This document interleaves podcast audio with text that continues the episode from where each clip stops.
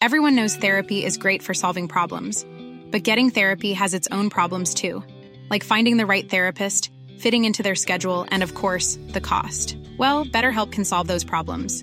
It's totally online and built around your schedule. It's surprisingly affordable too. Connect with a credentialed therapist by phone, video, or online chat, all from the comfort of your home. Visit betterhelp.com to learn more and save 10% on your first month. That's BetterHelp H E L P. A lot can happen in three years, like a chatbot may be your new best friend. But what won't change? Needing health insurance. United Healthcare Tri Term Medical Plans, underwritten by Golden Rule Insurance Company, offer flexible, budget friendly coverage that lasts nearly three years in some states. Learn more at uh1.com.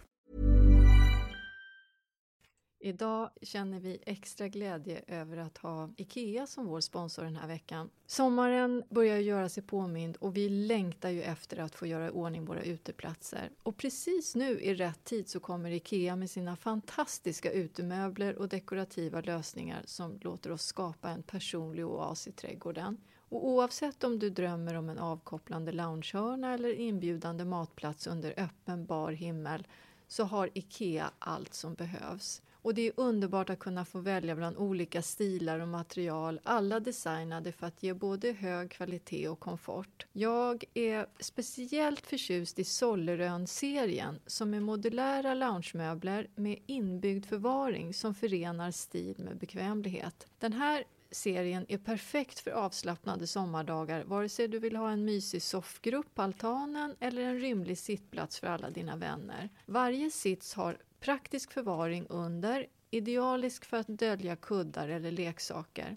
Och det bästa, du kan välja mellan olika dynor och alla med tvättbar klädsel, vilket är otroligt praktiskt. Så låt din kreativitet flöda och skapa din ultimata uteplats med IKEA. Besök gärna ikea.se sommar för fler smarta tips och inspirerande idéer. Gör din uteplats till en drömplats till riktigt bra priser också.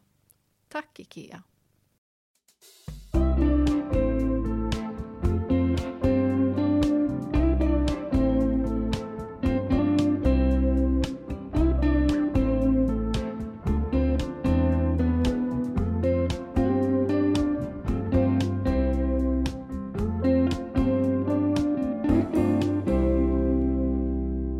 Nu börjar vi! du, jag vill börja med att be om ursäkt. För vad? För förra avsnittet. Vad var det då? då? Vi, var, vi var tråkiga, dystra och till och med Ellen höll, liksom, ville stänga av någon, höll på att klippa det. Det var någon som hade skrivit så här. Jag kände mig lite trött en dag. Jag tänker jag sätter på den här roliga podden. Och så hade hon blivit så full i skratt för vi var ju ännu tröttare än vad hon var. Men idag, så jag vet inte om grundförutsättningarna är väl ungefär densamma men humöret är väldigt mycket bättre i alla fall. Så jag hoppas att ni orkar hänga med oss en Har du satt på dig plåster? plåster? Nej, nej, jag har inte hittat, eller jag har inte jag måste åka på lite liksom, Sverigeutflykt för att få tag på de här... Kan du köpa till mig också då? Östrogenen. Eh, ja, bunkra ja. ja. Man får inte bunkra. Det får man inte göra, så det kan jag tyvärr inte göra. Men du, du kan ge mig också tillåtelse, man kan, en, en fullmakt för att hämta ut dina mediciner. Det kommer du att få om du ska på Sverigeturné, det kan jag säga. För nu har, I morse då öppnade jag upp det här paketet och började räkna hur många veckor har jag kvar. Fyra. Så när du kommer till Öland då kan det vara en riktigt ilsk markatta. Som... jag ser fram emot det nästan. Tänk att jag ska få komma och hälsa på dig på Öland. Det känns helt historiskt. Jag ska bädda med såna mjuka bomullslakan till dig. Mm. Och så ska jag plocka en liten bukett med ängsblommor. Oh. Ja, där ska du få sova. Ja. Och jag ska öppna den dyraste eh, flaskan också. Det ska du få. Det ska du få, Jenny. det här har jag någonting att se fram emot i sommar.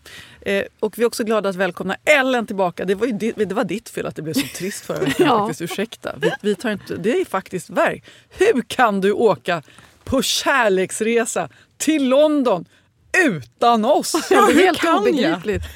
Men ni var ju med mig. Vadå med dig? Jag hade, vi hade helt tappat energin här i studion. Det där funkar inte fler gånger. Men för vi förstod att du kände lite skuld eftersom du skickade en bild på en ost och sa jag tycker om ost. Ja, och sen så plockade jag ju faktiskt en liten blomma till er. Ja, det gjorde det också. Ja. Mm, en röd ros. Det var knappt att jag ville öppna det där smset. Jag var Nej. lite, lite Här försöker hon fjäska Ja, in. Det ja. köper vi inte. Ja, det har hon inget för. Men ordningen återställd. Och, men hur har veckan varit för dig då? Queen Victoria. Jo, men vet du att nu, jag håller ju på i min trädgård eh, och det, det är så tungt arbete och jag har ju problem Ska du gnälla nu? Nej, jag har ju problem med att avsluta på kvällarna så jag kan ju hålla på i timmar. Och nu känner mina ben är som stumma stockar och det här har jag aldrig varit med om tidigare. Det är som att de inte lyder mig. Förstår du vad jag menar då? De känns hårda, orörliga. Inte medan jag håller på. Det är sen när jag satt mig i soffan. Då är jag nästan tvungen att ta en Alvedon för jag har så ont. Är det Eh. normalt det här? Jag tycker mig kunna identifiera det här som det som händer när man har kört ett hårt träningspass. Ja. Men jag har aldrig varit med om det tidigare. Så jag var inne och googlade för jag tänkte, är det något med kärlen? Jag, det känns som att jag inte får syre ner i benen. Så nu tror jag att jag har någon allvarlig sjukdom. Jag som inte är hypokondrisk.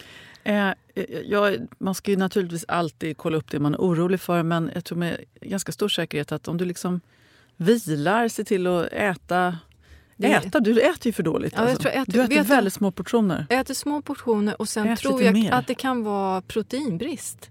Hur får man i sig mer protein? Det är ägg. Eller vad, vad är, Ja, ägg och fisk och baljväxter. Kikhummus, eller lite hummus på mackan. Fast jag tycker att jag äter. Men det är nog som du säger, jag äter för små portioner. Vad, hur har din vecka varit? Ska vi... Jag, jag håller på med partiledardebatten. Ja. Det är, så att jag fördjupar mig i allt, alla jävla problem som vi har i det här landet. Fokuserat på några ämnen och, eh, och sådär. Debattformatet, det här kommer äga rum den 13 juni. Jag hoppas att ni tittar. Och debattformatet har ju sina begränsningar. Det är ju inte kanske då man får de allra mest ingående fördjupande svaren men man, får ju, man kan ju få en ganska liksom, tydlig bild av vilka frågor som partierna prioriterar och eh, vad de har för stöd för att driva igenom de här frågorna. Mm. Och så. Och hur de resonerar kring liksom, för och emot olika åtgärder. Så att, eh, jag tycker att det här är väldigt... Det fyller sin plats i den politiska bevakningen även om det inte ger alla svar. Så att säga. Det är en lite utskälld form.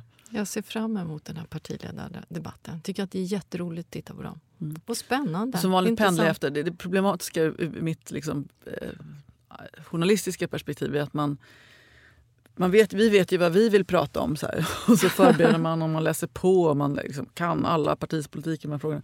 Sen när de, om de står där sen och har bestämt sig för att de har helt andra talepunkter då är det svårt att styra om. Alltså, man kan ställa samma fråga tusen gånger och så blir det... Ja, Mm. och så måste man få en diskussion. De är väl lite mediatränade också? va? Ja, men det blir intressant att se. Det finns ju någon slags efterfrågan på lite mer sakpolitik och lite mindre krig just nu. Så att vi får väl hoppas att det...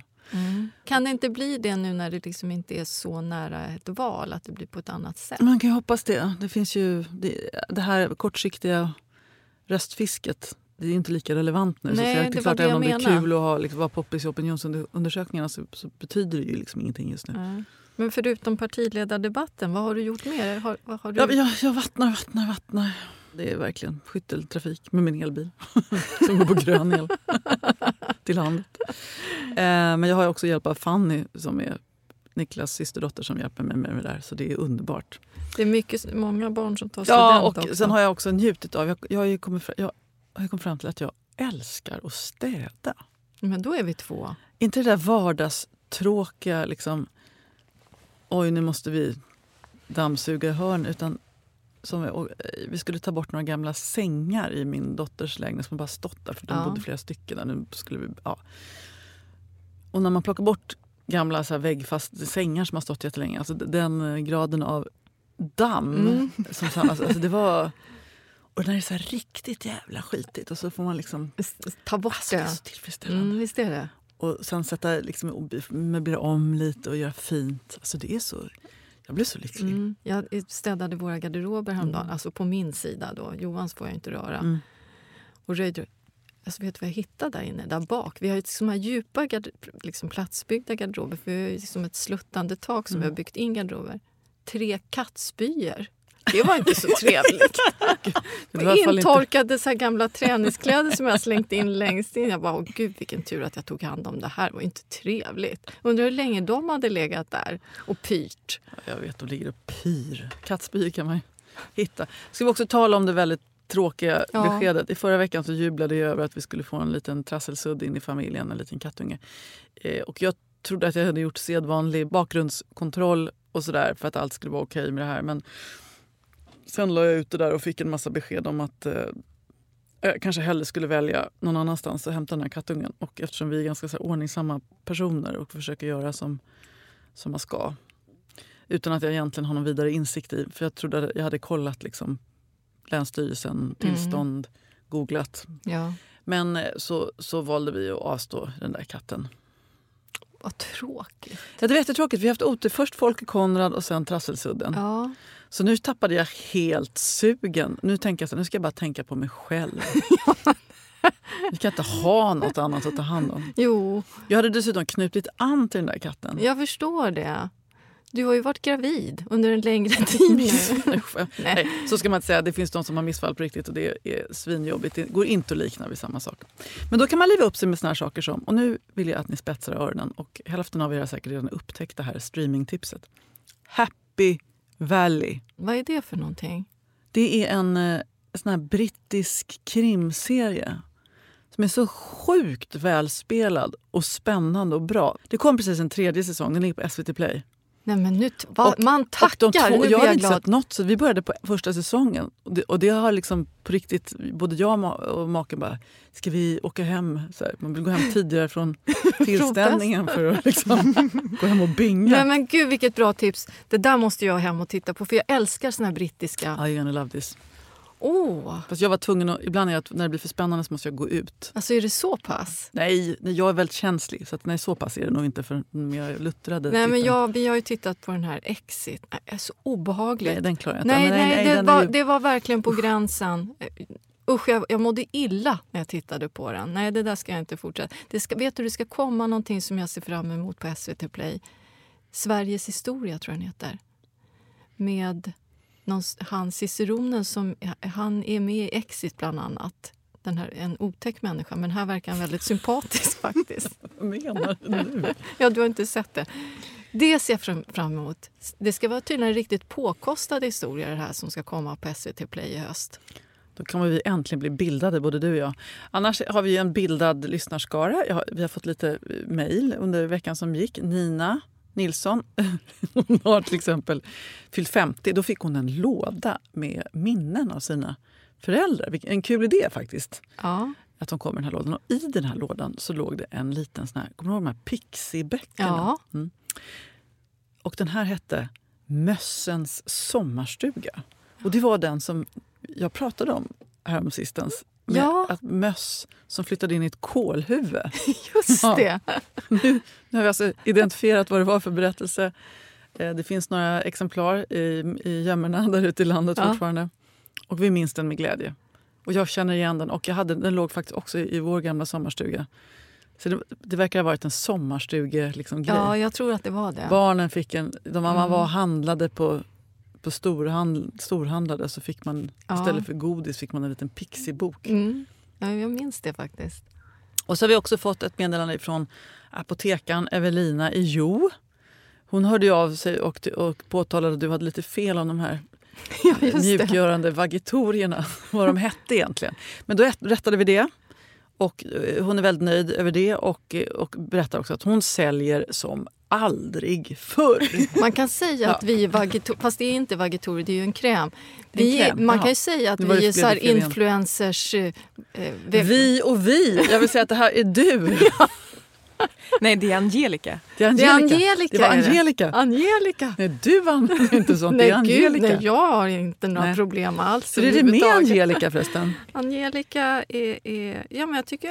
Har de fått ligga? Jag skojar. Nej. Nu, Nej. nu blev jag lite för rak på sak även med Angelica faktiskt. Nej. Angelica vill inte svara på den frågan. Hon vill gärna gå vidare. Nej, men det har ju varit lite... Eh, jag har en guddotter som har tagit examen och blivit sjuksköterska. Det kändes väldigt stort. Eh, och vi har firat henne i helgen. Och sen hade vi, har jag träffat min ex, mitt ex ex svärmor. När jag var eh, ung, 17, 18, då var jag ihop med en kille som hette Perre, Perre Målare. Och han, hans mamma har jag fortfarande kontakt med, Mona. Vickan har blivit ihop med Perre Målare. Ja. Det, det, jag kan se det framför Ja, mig.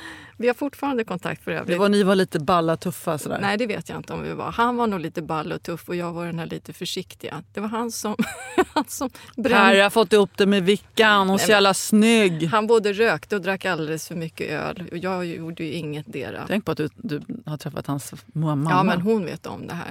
Så vi tog en fika och pratade gamla minnen. Och det är ändå något fint med att träffa någon som man har känt typ hela livet. Du vet, man har, när man var ung så där var ihop med, med sin kille, då bodde man ju hemma hos föräldrarna och träffade liksom... Jag hade aldrig någon kille sådär långvarigt när jag var i den åldern. Det var först...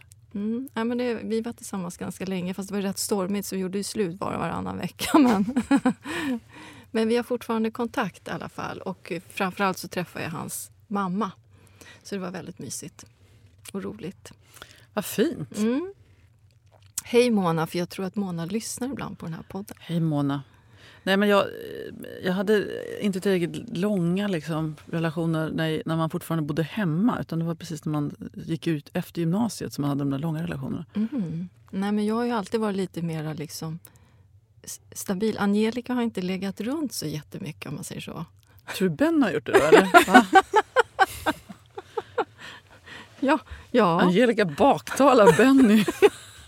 Benny, Eller vadå? Benny var ju en hel del i Frankrike också. Ja, Benny, var i, Benny var i Frankrike och hade det roligt. Och, och det är Benny väldigt glad Den över. roligaste faktiskt. historien, Jag tycker, det vi- lägger ingen moral i det ena eller andra förhållningssättet. Nej, faktiskt. nej, jag tycker att man ska göra det man tycker inte. Jag har glädje av i ja, livet. Nej, jag är jätteglad för din skull. Den roligaste Min skull? är när du var på någon... fast Bennys skull? På, Benny var på någon resa har ju du berättat någon gång. Nej, Nej, Nu, vi ska inte ta upp det. nu ska vi tala om svampsjukdomar. Ja, Jaha, jag när jag ringde dig igår. Bara, vad, ska vi, vad, har vi, vad ska vi ha för ämne då? Svampsjukdomar. Jag tänkte, har vi inte pratat lite väl mycket om Om- rosen i det här programmet? underlivskrämpor. Mm. Men det var inte den sortens ros. Nej.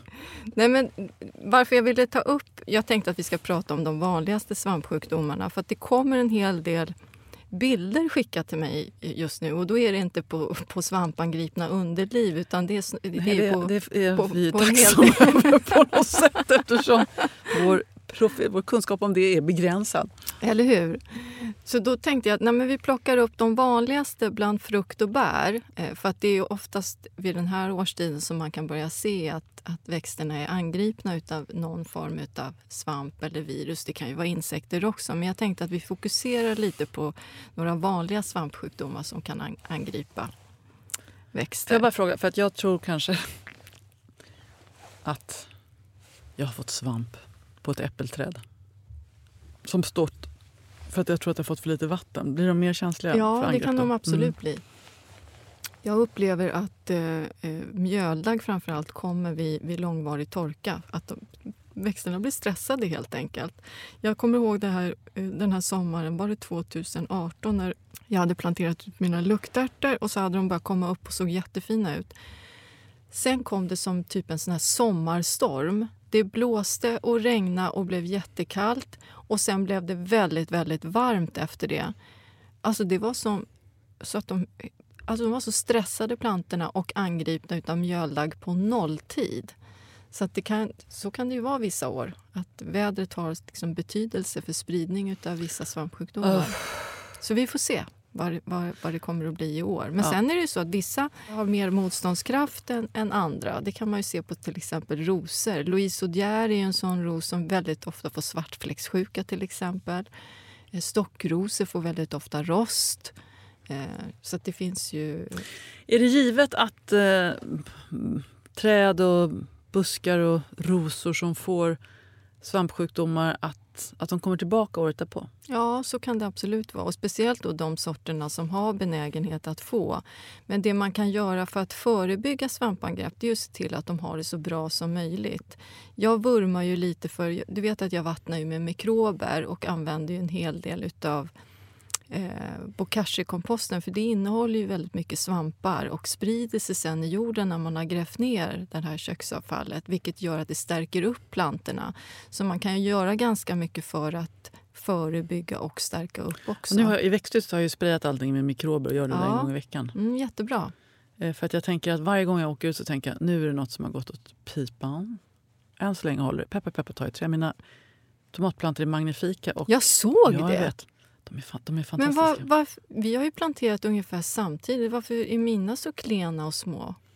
Ja, Ja. för jag, jag, jag har ägnat dem väldigt mycket omsorg tror jag faktiskt. Men du har ju knappt varit där ute. Jag är ju hos mina Ja. plantor varje dag. Du åker ut ett par, tre gånger i veckan och ändå såg de ut så där. Nej, det måste vara någonting med jorden här. Men ja, det är ju vanlig så här, Ja. ur-jord från Ja, Hasselfors. det som jag kan, vara, det kan vara så att jag har s- satt det lite sämre jord. Det där kan, så kan det absolut vara. Jorden har betydelse. Okej, de vanligaste då. Hur, det, det- det svåra tycker jag alltid är hur man ska se vilken av alla svampsjukdomar som de här olika små... Ja, men det är ju jättesvårt. Men man får ju Växtliga- oftast... Om vi, vi kan ju börja då till exempel med persikan. Eh, som, det är ganska vanligt att den blir angripen av krussjuka. Och det brukar man se nästan ganska tidigt på säsongen. Att då blir bladen, liksom, vad ska man säga, de får små bucklor och nästan börjar krulla sig lite. Kanske inte krulla sig, men de får som ett blåsliknande utseende. Och så eh, vissnar de, de blir bruna och så vissnar och faller av tidigt på säsongen. Och det här är, är, är jättevanligt på persika. Det verkar som att träd som, som står under tak inte blir riktigt lika angripna. Så de som har ett orangeri eller växthus har visat sig att inte alls få eh, krussjuka lika lätt. Jaha. Men sen så finns det såna sorter då. Jag har haft olika eh, persikoträd i mitt växthus. Och då hade jag ett som hette Riga. Eh, det klarade sig väldigt bra. Men sen satte jag ett som hette Frost. Och det fick ju krussjuka nästan på en gång så jag var tvungen att ta bort I det. växthuset? Ja, i det är ju ett sånt som jag har också. Ja, men det är inte säkert att du kommer att få det. Men du kommer att märka det tidigt ifall det liksom bladen börjar bli buckliga. Det är på det sättet man ser dem. Vad gör man då? då? Ja, men det här är ju svårt. Det finns ju inte så där jättemycket att göra. För att de här, den här svampen den övervintrar på knopparna och i barken. Och Sen smittar de liksom bladen redan på våren. Så det man kan göra är att man plockar bort alla blad som är angripna så tidigt som möjligt. Och även allting som ligger liksom på jorden, i krukan eller på marken.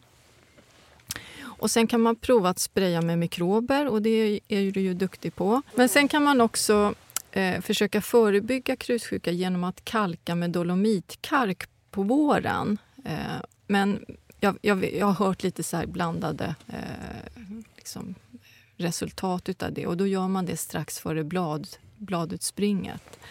Men som sagt, det är lite svårt med, med krussjuka på persika om det är drabbat. För att ofta så kommer det tillbaks mer eller mindre varje säger- Ska år. man slänga trädet? Det kan man behöva göra om det blir så pass angripet för det blir ju ingen frukt. Det orkar liksom inte, det, det blir försvagat helt enkelt. Jag har så mycket persikor på mitt persikoträd. Har du? Ja. Då ska man kanske få smaka. Ja. Du får gallra lite också. Ja, jag vet att du har sagt det. Och jag vet att jag ska göra det, men jag har inte gjort det ännu. Nej, men Man är ju snål. jag vet. Och så ser man hur de sväller. Ja. Och så vet man hur det känns när man tar en tugga ut, utav ett eget Jag måste undra hur mycket, hur, den, den står ju liksom i ett ekfat ett halvt. Hur mycket måste jag, måste jag gödsla varje vattning? eller? Nej, det behöver du inte göra. Men däremot så vill de ha ganska mycket vatten medan de utvecklar frukt. Mm. Så eh, glöm inte att vattna, utan försök hålla jorden jämnt fuktig hela tiden. Men sen när de liksom börjar bli klara, då tycker jag nästan att det är precis som med tomater. Då brukar jag sluta både gödsla och vattna. Att man nästan liksom eh, tär lite på trädet om du förstår vad jag menar. Inte så att det torkar ut helt och Man hållet. svälta trädet. Nej, inte svälta trädet. Men jag tycker att det blir lite, det här kanske är inbildning, men så har det varit med tomat. Det blir lite bättre smak om man liksom slutar att vattna och gödsla. Att det får liksom mogna i sin egen takt. Ja, okej. Om vi går vidare då till, det, det, du nämnde det tidigare också, mjöldagg. Ja, och då är det eh, eh, ganska vanligt, om vi nu ska hålla oss till frukt och bär, så är det ganska vanligt på bland annat krusbär men även på vinbär. Och den här svampen heter, ska du läsa vad den heter? För den har så Ja. konstigt namn.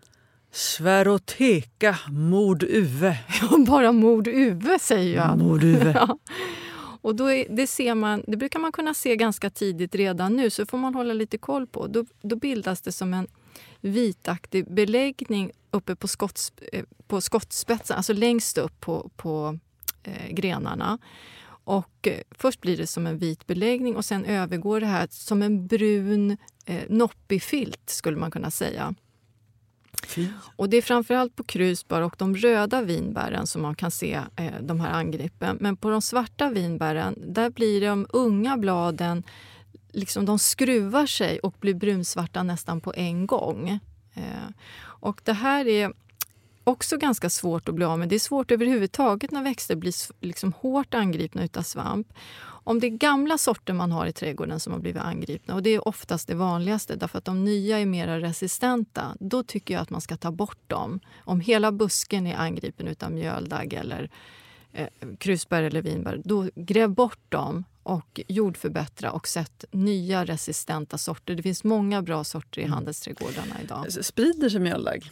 Ja, det sprider sig ofta med sporer via luften. Vilka andra typer av växter kan den angripa? Klematis är jättevanligt. Eh, kaprifol, Oh.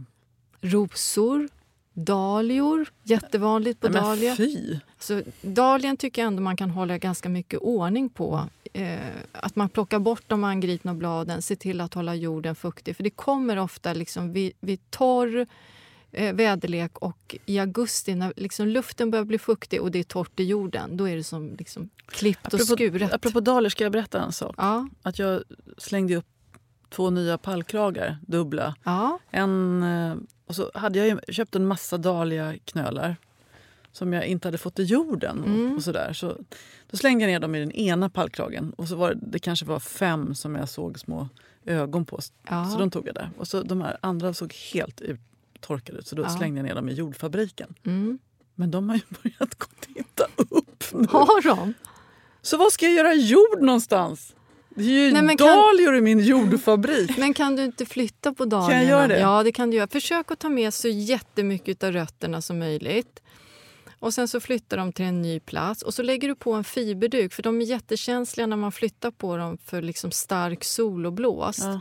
Och så låter du fiberduken ligga över tills den har liksom skjutit nya fina rötter. Det där kommer gå jättebra. Du kan absolut flytta på dem. Man kanske flyttar på alla dahlior då? Ja, det skulle jag göra. Så jag, alltså, Det är värt jag, det. Gör jag, det. Jag vill bara be om ursäkt till mina dahliaknölar att jag hade så lågt förtroende för er. Att jag liksom inte... Ja. Fast man, jag kan hålla med. När man ser de här förtorkade rötterna så tänker man att det här kan aldrig bli Och något. de låg i vatten jättelänge också bara för att de skulle överhuvudtaget få något. Det kanske var det som var grejen. Ja. Så kan det ha varit. Jag säger gratulerar. Ja, för, det, för de står liksom inklämda bakom växthuset. Tänkte om den där prakten kommer upp nu och så ska den stå där bakom heller. Det var inte så kul. Men då ska Nej. jag göra som du säger. Jag gör det. Jag tycker Ja, att det är ett ganska trevligt problem. ja eller hur? Ja, Vet du vad jag gjorde då? Jag hade ju eh, köpt på mig från något ställe i, jag tror det var Holland eller var det England? Jag kommer inte ihåg. från Keukenhof. Nej, nej, det var något. På nätet hittade jag fantastiska anemoner. Så tänkte jag, det här, nu jädrans i min låda. Men de såg ju så torra och skrumpna ut. Så tänkte jag, det här blir aldrig någonting. Så jag slängde ner allihop som en hög i en jättestor plastkruka. Ja, men jag förstår precis vad du menar. Ja, Mm. jag hade också lite bråttom. Det var inte i aggressiv ton, utan det var liksom bara ja, tidsbrist. Alltså jag, det är så fullt med anemoner i den här så nu känner jag ju samma sak. Vad ska jag göra med allt det här? Jag kan ta några. Ja, du ska få några. För om det här nu är rätt sort i de här så ser de ju helt fantastiska ut. Det kommer en recension så småningom. Vi går vidare i svampens underbara värld.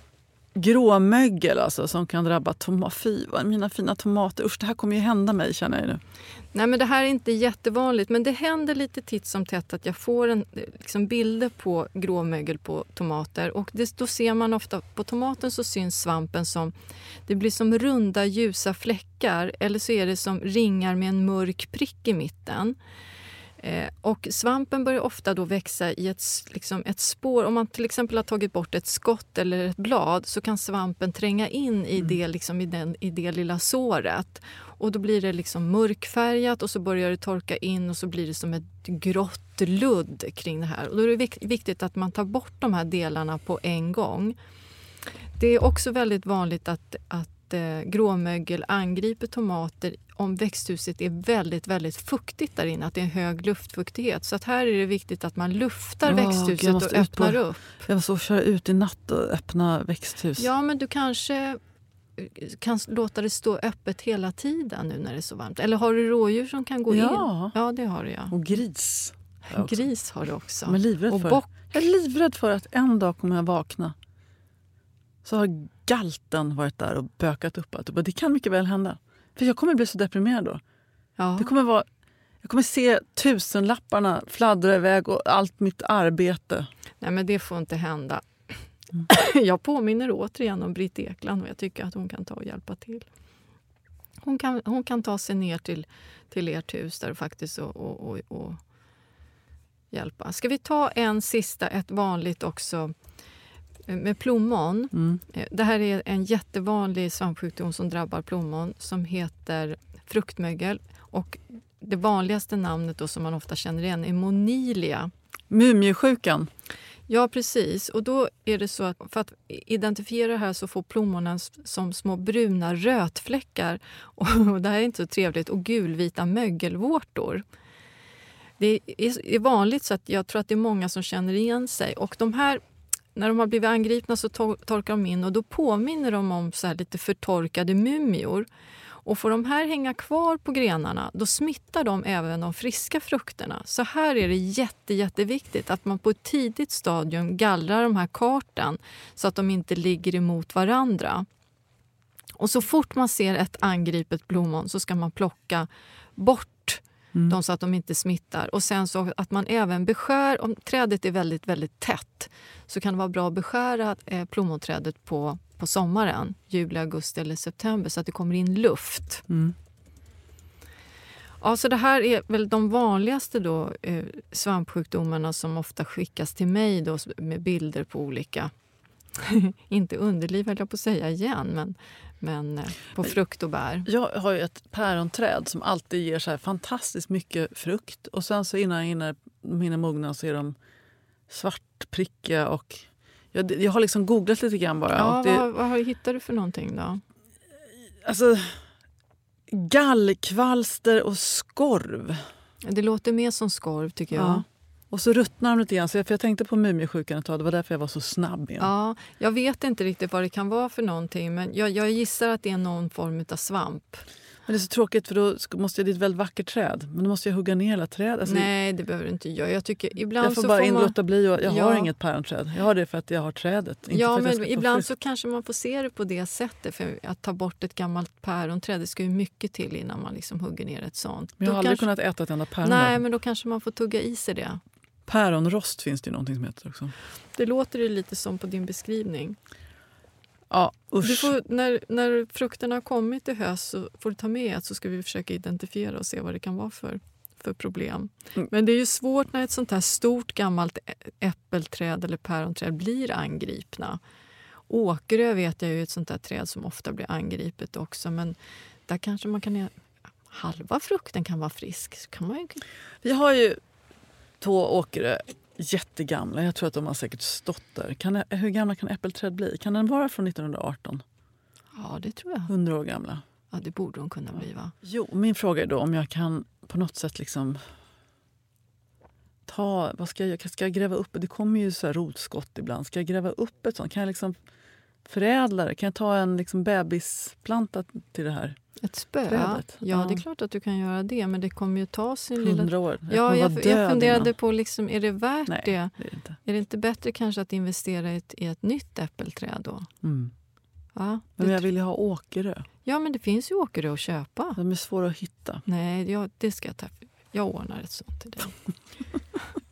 Okej, alltså det, ja, det, här, det är ganska dystert att vara i svamplandet tycker jag. Ja, men samtidigt så det finns värre saker än svampangripna växter. ja, Ja, det är krig i Ukraina. Ja. Det håller jag med om. Det håller jag med om. Ja, Tänk, jag har tänkt mycket på de här stackars människorna just när de här, efter att eh, dammen. dammen har blivit... Jag tittar också upp Saboterad. jag tycker det är så förfärligt. Där bor de och hela landskapet och försörjningen och infrastrukturen. Det är hemskt. Här sitter vi och har det bra. Ja, men exakt. Och jag skickade ett litet meddelande till en av mina kontakter där nere när jag tagit del av nyheterna och så sa jag bara jag hoppas att du efter omständigheterna liksom är okej. Okay. Fick du något svar? Det, det, hon sa nej, det, det är inte okej okay just nu. Nej. nej. Och då skämdes jag lite. Nej, det är klart som fan att det inte är okej. Okay. Nej, fy. Usch.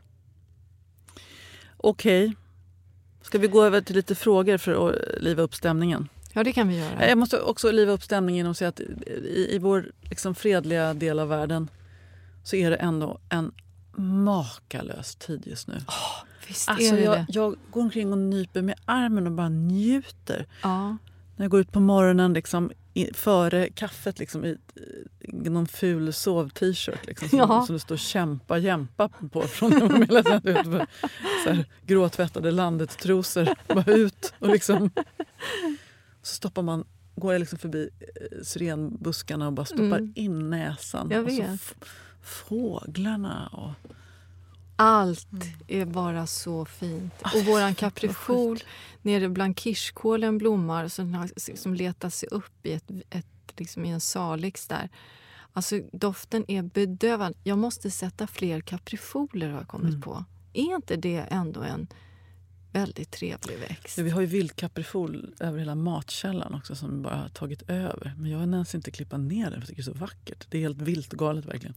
Jag, eh, nu när, vi, när jag åkte hit till studion då gick jag förbi vår pionavdelning och nu blommar alla trädpionerna. Då fick jag syn på en mörk röd enkel med gula pistiller som hade slagit ut och som hade börjat bli lite knotig och förvedad.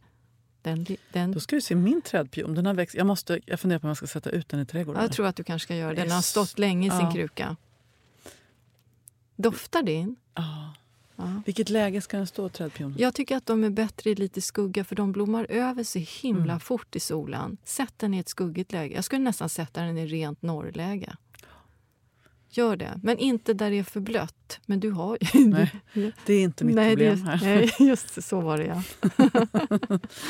Ja. Sa jag det? Att vildvinet lever? Inte Nej, vildvinet, det är utan att, vindruvan. Att vindruvan lever.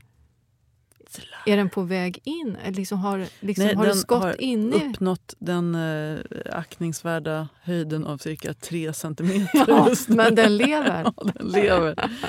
It's alive. Ja, det var det. Vet En... du vad jag satt då? Nej, vad har du sett? satt en röd berberis. Jajamensan, här ska det klippas ett litet klot. Men vet du vad, jag kom ju på att jag har ju berberis. Gul berberis. Det är ju, den är jättefin, Ja. den gulbladiga. Ja. Bra! Det, det är liksom en hagtorn och en gul berberis som har växt, i, växt liksom ihop. Ska det, ska det vara så då? Nej, men de är liksom... De gjorde, innan jag kom in på den där tomten så gjorde de något bygge så det är liksom, de, de la lite fyllnadsmassa. Ja, det är som- sen tidigare. det är sen tidigare. Ja, och då har jag liksom hållit, liksom, från början så spretade det här där. Nu har det liksom ändå växt ihop och blivit... ja. Så det är ganska fint ändå. Så jag tänkte det kanske kan få vara så. Det är ändå en Ja, skärgårdstomt. ja. Det är klart att det ska vara så. Sen finns det en historia med växterna så att Mm. någon annan har satt någonting där tidigare. Det är fint. Så det enda jag gör är liksom att ta bort såna konstigheter som växer upp däremellan. Så att jag Ja. bara, de här två får vara själva. Så nu har vi har båda två berberis. Jag blev lite deppig för jag tycker att den är så himla fin. Jag visste inte att det var en berberis. Nu, sen såg jag ju det när jag tittade på den. Men, så jag googlade lite. Och sen bara, men det är en berberis. Jajamensan. Nu ska vi se här. Vi, om några år så kommer vi sitta där och oh, vad fint det Vi är nya trendsättare när det gäller berberis. Tror du inte det? Berberis-influencers. Ja, vi kommer, vi kommer sitta i våra trädgårdar med kryssbollar, berberis, tivolirabatter och mycket gult. Tror jag också. Så kan det bli. Ja. ja, det kan bli något. Vi har fått massor med frågor och eh, vi ber om ursäkt för dem som vi slash Victoria inte kan svara på just nu. Men vi väljer ju ändå några som är lite allmängiltiga. Den första kommer ifrån Karin i zon 3. Jag har gått och väntat på att mina narcisser sinopel ska blomma. Efter att ha väntat lite väl länge kände jag på knopparna och de är helt torra. Bladen avslöjade inget om torka och resten av rabatten blommar vackert med kaukasisk fietmigej. Jag har haft dem ett par år och aldrig upplevt att de inte blommat. Efter att ha surat ett tag vill jag blicka framåt och nu till min fråga. Måste jag ta bort lökarna vars knoppar torkat och plantera nya i höst eller kan lökarna ta revansch nästa år? Det här har hänt mig också. Då kan jag eh, säga till dig, Karin, att de kommer säkerligen att blomma nästa år. Ibland vet inte jag riktigt vad det beror på att narcis eh, liksom, knopparna torkar in. Det kan bero på kyla. Det kan bero på att det har varit väldigt torrt i marken, för de vill egentligen stå lite, lite fuktigare. Men det är så att ibland hoppar de över ett år och liksom vill inte slå ut. Så att du ska absolut inte ta bort dem. Jag kan nästan lova att de kommer att blomma nästa mm. år. Nästa mejl kommer ifrån Martina. Hej! Jag vill börja med att säga att jag älskar er podd. Eh, vi är tacksamma att du fortsätter lyssna efter förra avsnittet. Om... det tråkiga avsnittet. Det tråkiga. Jag tror vi ska döpa om det. Det tråkiga avsnittet. Ja, det ska vi göra. Nu till saken, skriver Martina. Efter ett par renoveringsår i vårt hus så har ni nu väckt mitt blom och trädgårdsintresse. Så nu är det då dags att börja renovera i trädgården. Jag har en rabatt, om man nu kan kalla det för det. Hon skickar med en bild. Där växer blå iris, men det är mest bara blad och gräs, inte så mycket blommor. Min fråga är hur jag ska göra där. Ska jag gräva upp de knölar som finns och sen gräva ut ny jord och plantera tillbaka de gamla knölarna? Är det ens någon idé eller hur gör jag? Vi bor i ett hus som byggdes 1920 i zon 1-2 och jag vill gärna behålla den gamla stilen i trädgården. Ja, och då tittar jag på den här bilden. Ja, det är ju jättemycket gräs och det ser liksom, jorden ser lite så kompakt ut och det kommer bara upp en massa strån och enstaka blommande irisar. Så här skulle jag göra en en total makeover. Jag skulle gräva upp alla de här rhizomerna, för det kallas det för de här rötterna som iriserna blommar ifrån. Gräva ur så att det blir som en öppen rabatt. För gräset kväver nämligen de här plantorna och tar jättemycket näring. Och det här ser man ganska ofta i rabatter där liksom gräset tar sig in. Eh, så att håll jorden öppen så kommer de här att repa sig och eh, eh, bli superfina. Nu ser jag inte riktigt vad det är som liksom finns runt omkring där. För det ser nästan ut som en strandiris på bilden och då utgår jag från att det kanske till och med är lite, lite fuktigt läge där. Så skulle du vilja samplantera med någonting, då skulle jag föreslå eh, trädgårdsmörboll och då finns det en sort som heter nu ska vi se om jag kommer ihåg rätt. Alabaster. Den är lite månskensgul i färgen. De skulle faktiskt kunna vara väldigt fina tillsammans. Så det är mitt förslag. Men det är endast om det är lite åt det fuktigare hållet. Det framgår ju inte riktigt mm. här. Men, fint med irisar och sånt där. Kan du inte ha lite mer dagliljor och grejer? Jo, absolut. Dagliljor skulle också mm. kunna vara jättefint. Bra förslag, Janne. Du håller på att bli en trädgårdsdesigner. Alltså, vad har du för förväntningar på mig? Ganska små. Du vet att man måste ha förväntningar på sina medmänniskor, annars kommer ja. de aldrig leva upp till dem. Det är sant. Okej, eh, nästa mejl kommer ifrån eh, Rosen Karina. Hon skriver så här. Förutom allt nöje ni bereder mig så har ni fått mig att bli mer trädgårdsintresserad. Förra året när ni pratade om träd i kruka så fick det tipset förgylla vår innergård. Salix caprea pendula. Vad är det med andra ord? Hängsälj? Nej. Hängsälj, ja. Eh, och Prunus sistena i varsin kruka. De har klarat vintern och ser ut att stortrivas. Nu till min fråga. Vi har en låg mur runt huset och tre körsbärsträd planterade i hörnet. Huset är från 1973 och troligen träden också. Vi har försökt hålla liv i dem men nu får de tas ner. Jag vill ha en låg mjuk häck runt om och ett träd i hörnet. Funderar på vit trädgårdstok som häck. Bor i Allingsås, zon 4. Läget är soligt. Mm, ja, men det, det, jag tycker att hon har kommit på ett liksom ganska bra förslag själv. Men då liksom vill jag utmana lite eftersom hon pratar om att hon vill ha en låg mjuk häck. Eh, då skulle jag vilja föreslå lärkhäck. Larix decidua heter den. Eh, och den är inte så vanlig, men ibland så kan man se den i så här nya nya bostadsområden. För där har jag sett att lite i den typen av miljö är det många liksom, landskapsarkitekter som ritar in den. Det här är ju liksom en barrväxt, men det ser inte ut som en barrväxt utan den har liksom ljusgröna, mjuka barr vilket gör att den har liksom inte det här barrväxtutseendet. Men jag tycker att den är, det är en väldigt, väldigt trevlig häck. Och den kan hon hålla nere, så hon skulle kunna hålla den på kanske en meters höjd ungefär. På hösten så får den lite så gulaktigt eh, bladverk, men jag tycker att den är fin och den är tät.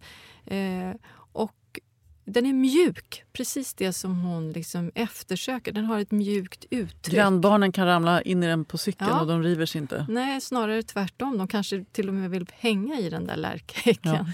Ja. Eh, Jag tycker granhäckar ibland kan bli lite så bruna ner till och sånt där. Gäller det även den här? Nej, det tycker jag inte. Det blir, jag tycker lärkhäck faktiskt är väldigt trevligt. Vi, eh, vi hade det på jobbet eh, innan vi byggde om vår parkering. Och det var väldigt många som frågade just om den här häcken därför att den har en liksom ganska angenäm uppseendeväckande grön ton. Som, som inte Den är som, lite ärtgrön. lite ärtgrön. Bra! Mm. Precis så. Eller mer... Kommer du ihåg att man sa kissgrön en gång i tiden? Den är kissgrön. Ja, det kanske... För, Det låter inte lika attraktivt. Nej, men det, det är en fin grön färg. Du vet nu så här, här i juni när allting har slagit ut och det är så här ljust grönt, att man tycker det är så fint. Den färgen behåller eh, lärkhäcken under hela sommaren. Jag ska förtydliga den gröna. Jag känner mig som Sven Plex Pettersson nu med alla Ja. olika gröna nyanser. Men ett nyutsprunget eh, liksom citronblad på en, en citronträd. Bra, mycket fint beskrivet.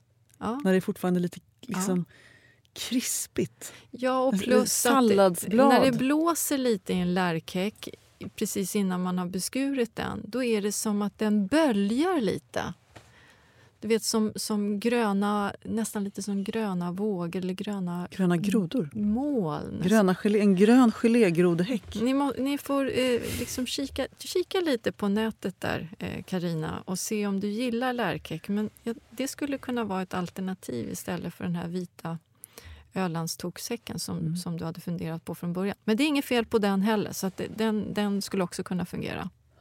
Jag tycker många, eh, när jag tittar på Instagram på era konton, ni som är hashtaggat med Röda vita rosen-podden att det är många som klagar över att det liksom, allting är lite spensligt just nu Mm. och har kommit lite kortare än Mm. vanligtvis.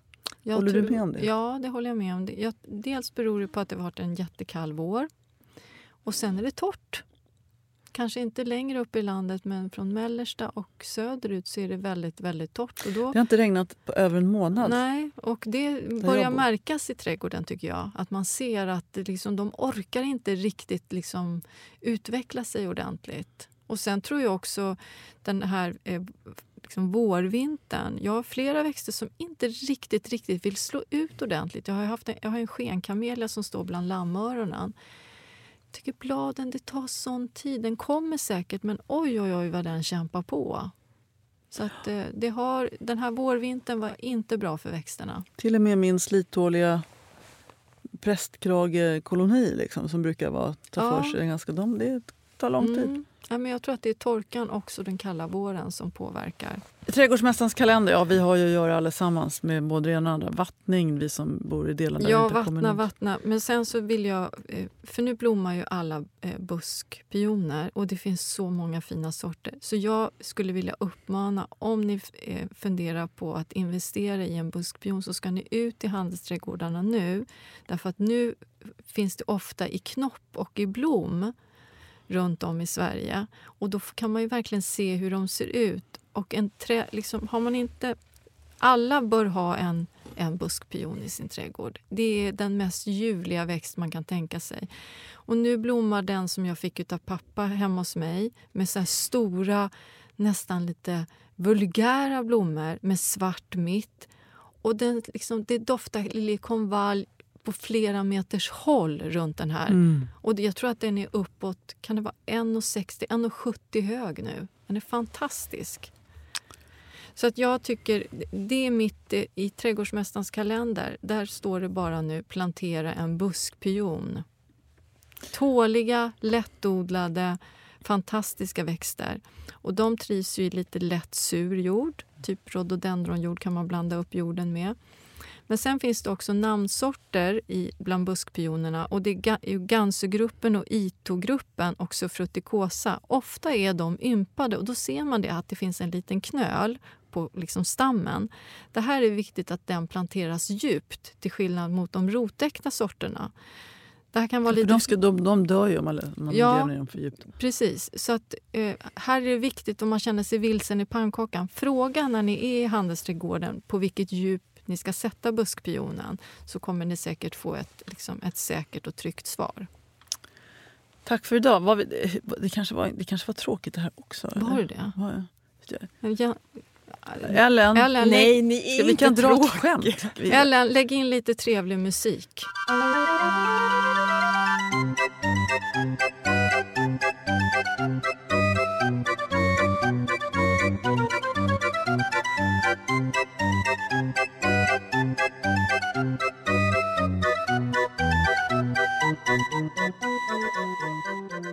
Så Ja, lättar det upp Nu stämningen. ska jag gå och handla olika tårtingredienser. För jag lovade min bästa kompis att jag skulle baka tårtorna till hennes dotters student.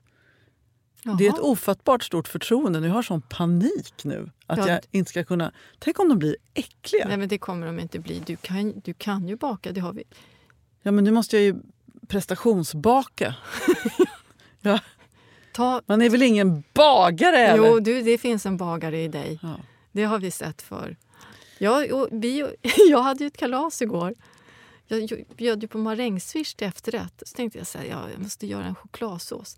Sen började jag tänka efter. Nej men vad tusan, jag har ju en gammal kolasås i frysen som du har gjort. Ja, till, till när vi gjorde boken. Ja, till Har du päronen. sparat den? Det var ändå lite kärleksfullt på något sätt. Eller Eller, snålt. Så den tog jag fram och hivade över marängsvischen och alla sa vad gott det här var. Ja, jo, det är Jenny som har bidragit. Och sen sa hon så här, och varför är inte hon bjuden? Nej. Nej, Nej, Hon hör jag inte tycker inte om henne längre, sa du då. jag träffar henne så ofta. du, eh, Ja, tack för inbjudan till kalaset Victoria. Det Ja. hade varit jätteroligt att vara där men eh, ibland så får man, Ibland. tänker man ju på ett annat på sig sätt. själv. Ja. Hörni alla där hemma, ta hand om er. Slit inte ut er för mycket. Var med oss i eh, även nästa avsnitt hoppas vi. I med och motgång. I idag. tristess och glädje. Jag tror att som avslut ska jag säga så här. Vi brukar prata om VRIS, växternas rätt i samhället. Jag tror vi ska tala om kra, krat. Kvinnornas rätt att vara tråkiga. Ja, det var det. Tack för idag. Hej då.